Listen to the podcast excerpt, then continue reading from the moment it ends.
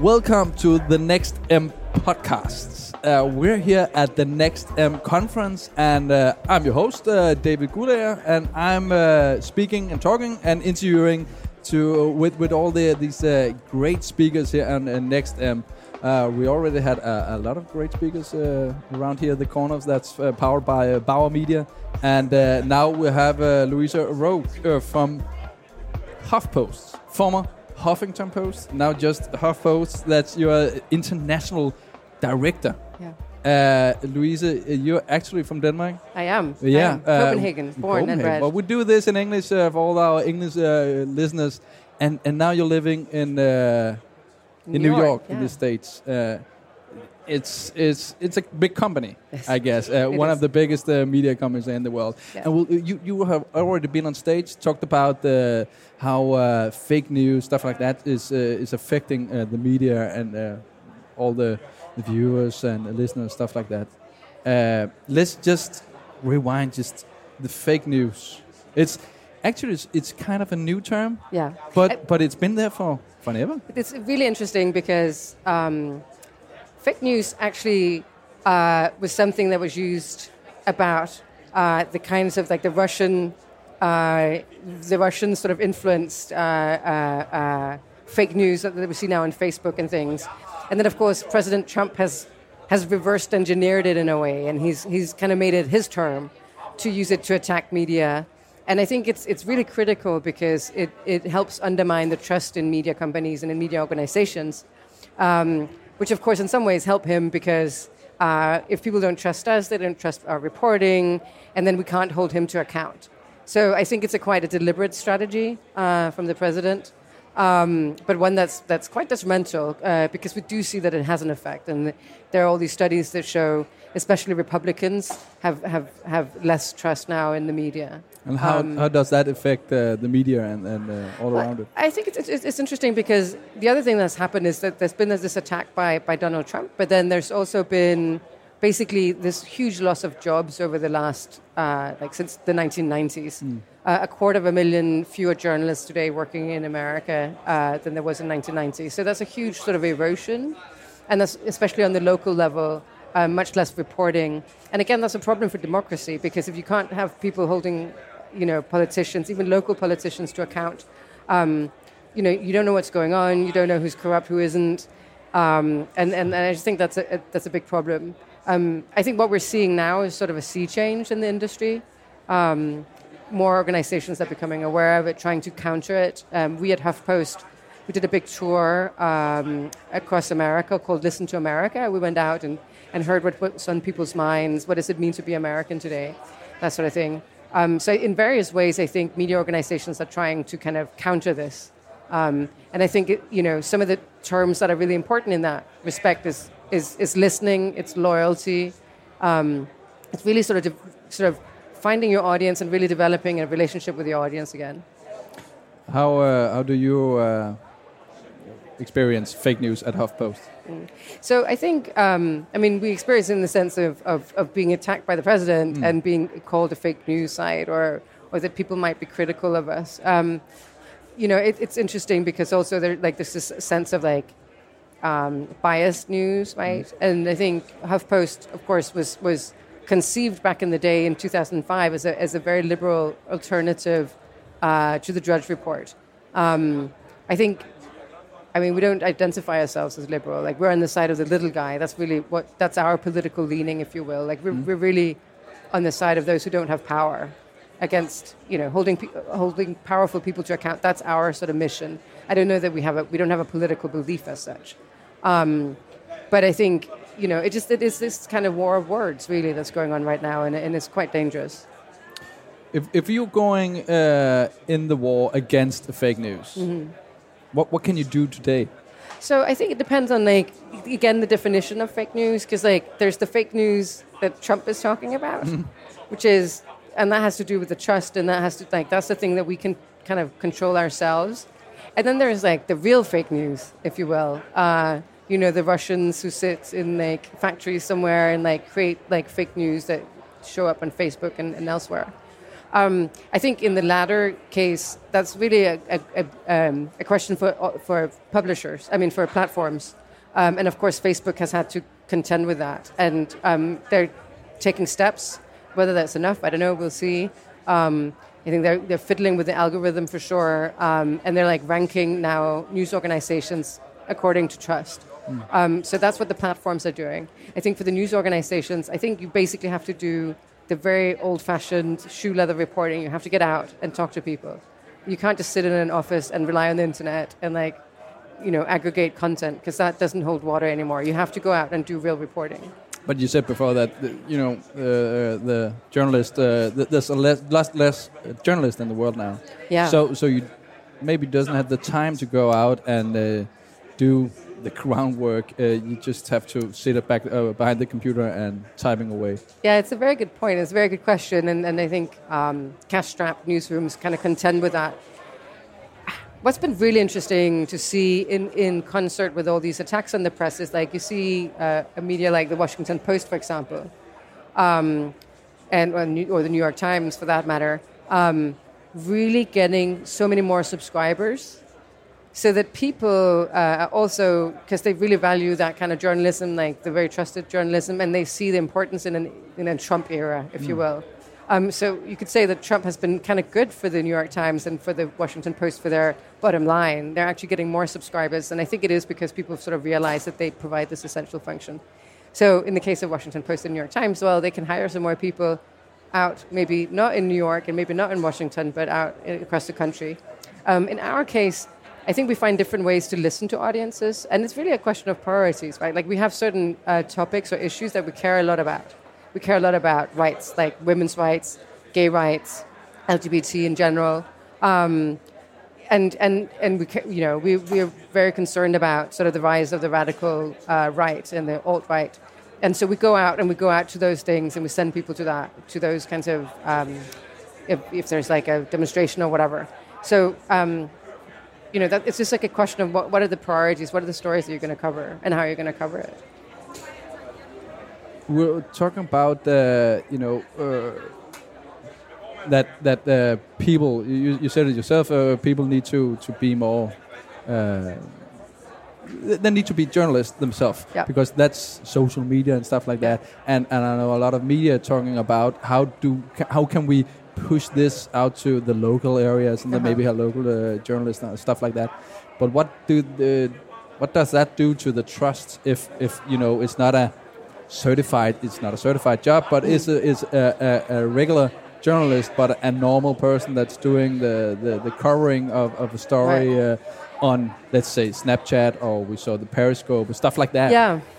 It's a very good point because, like, I think you do see uh, you just user generated content uh, or, mm. or, things that, that people, you know, private citizens maybe, you know, um, filming something.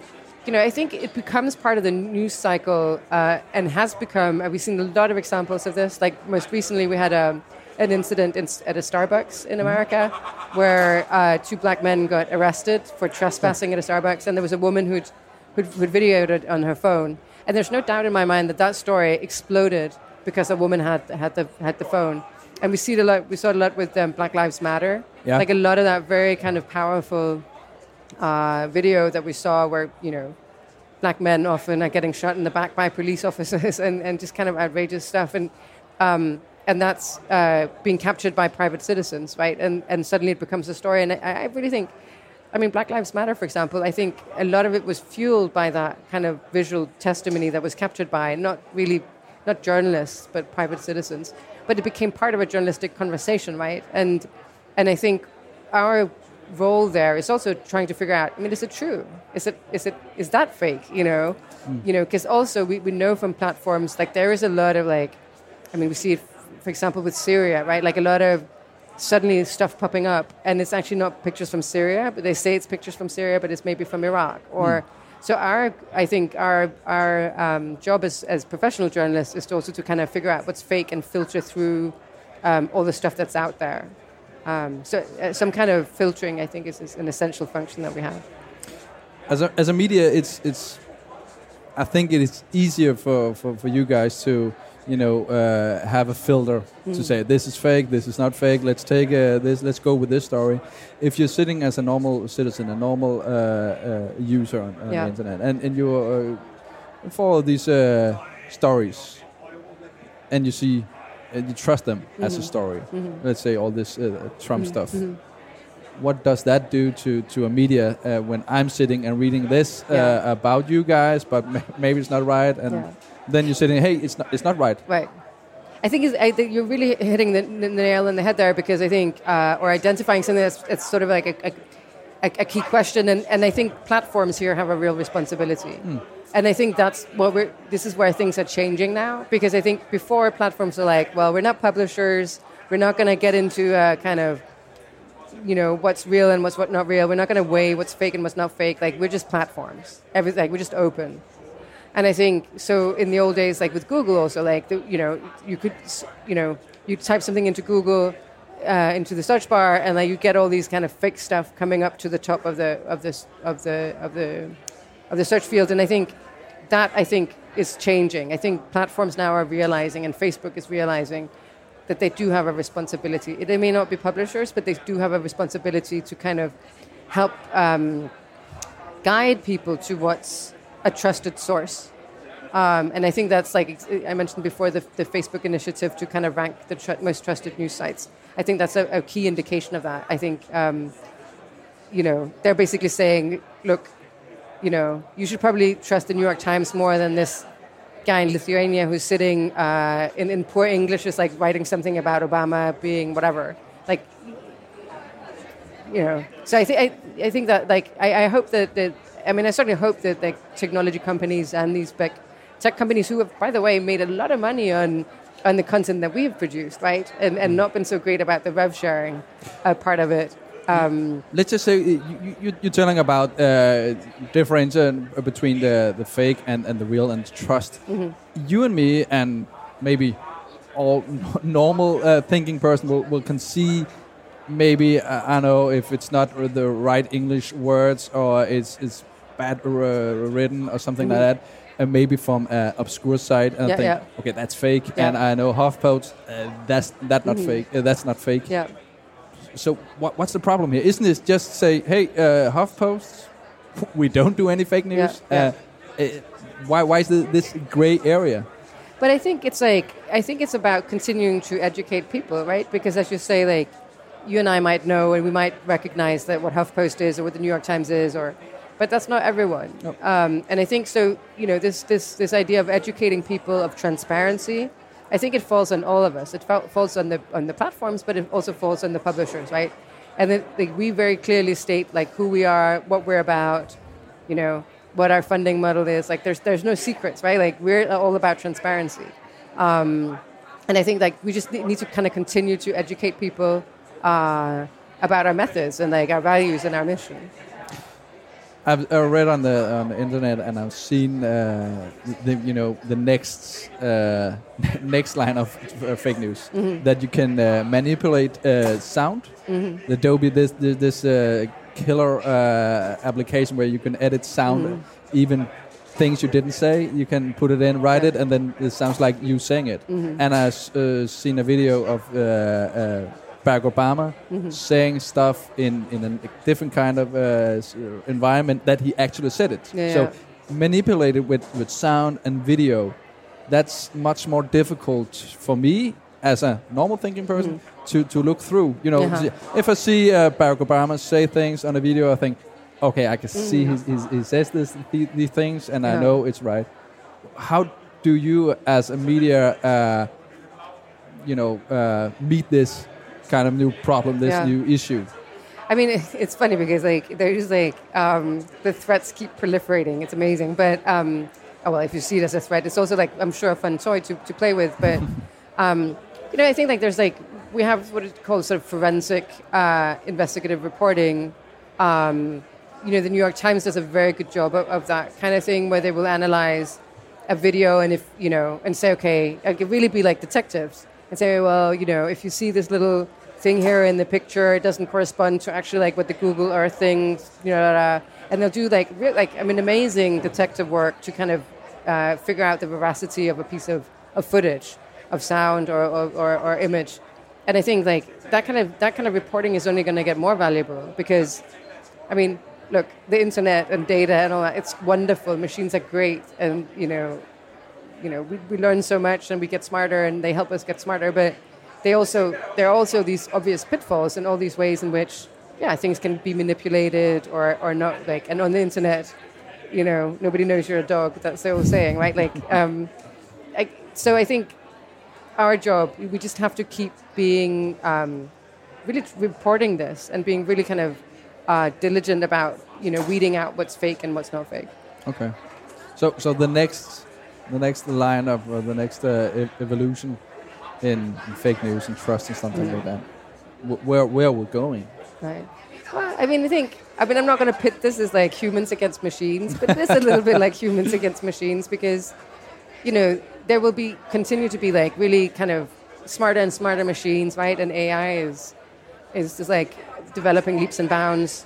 Um, but, you know, I think our job in some ways as humans, as reporters, is to try and outsmart the machine and to try and like say, okay, here, here's the flaw. Here, here's the thing that, you know, why we can see it's not right. But it, it does require human intelligence. It does require that, like, really old-fashioned uh, human reporting.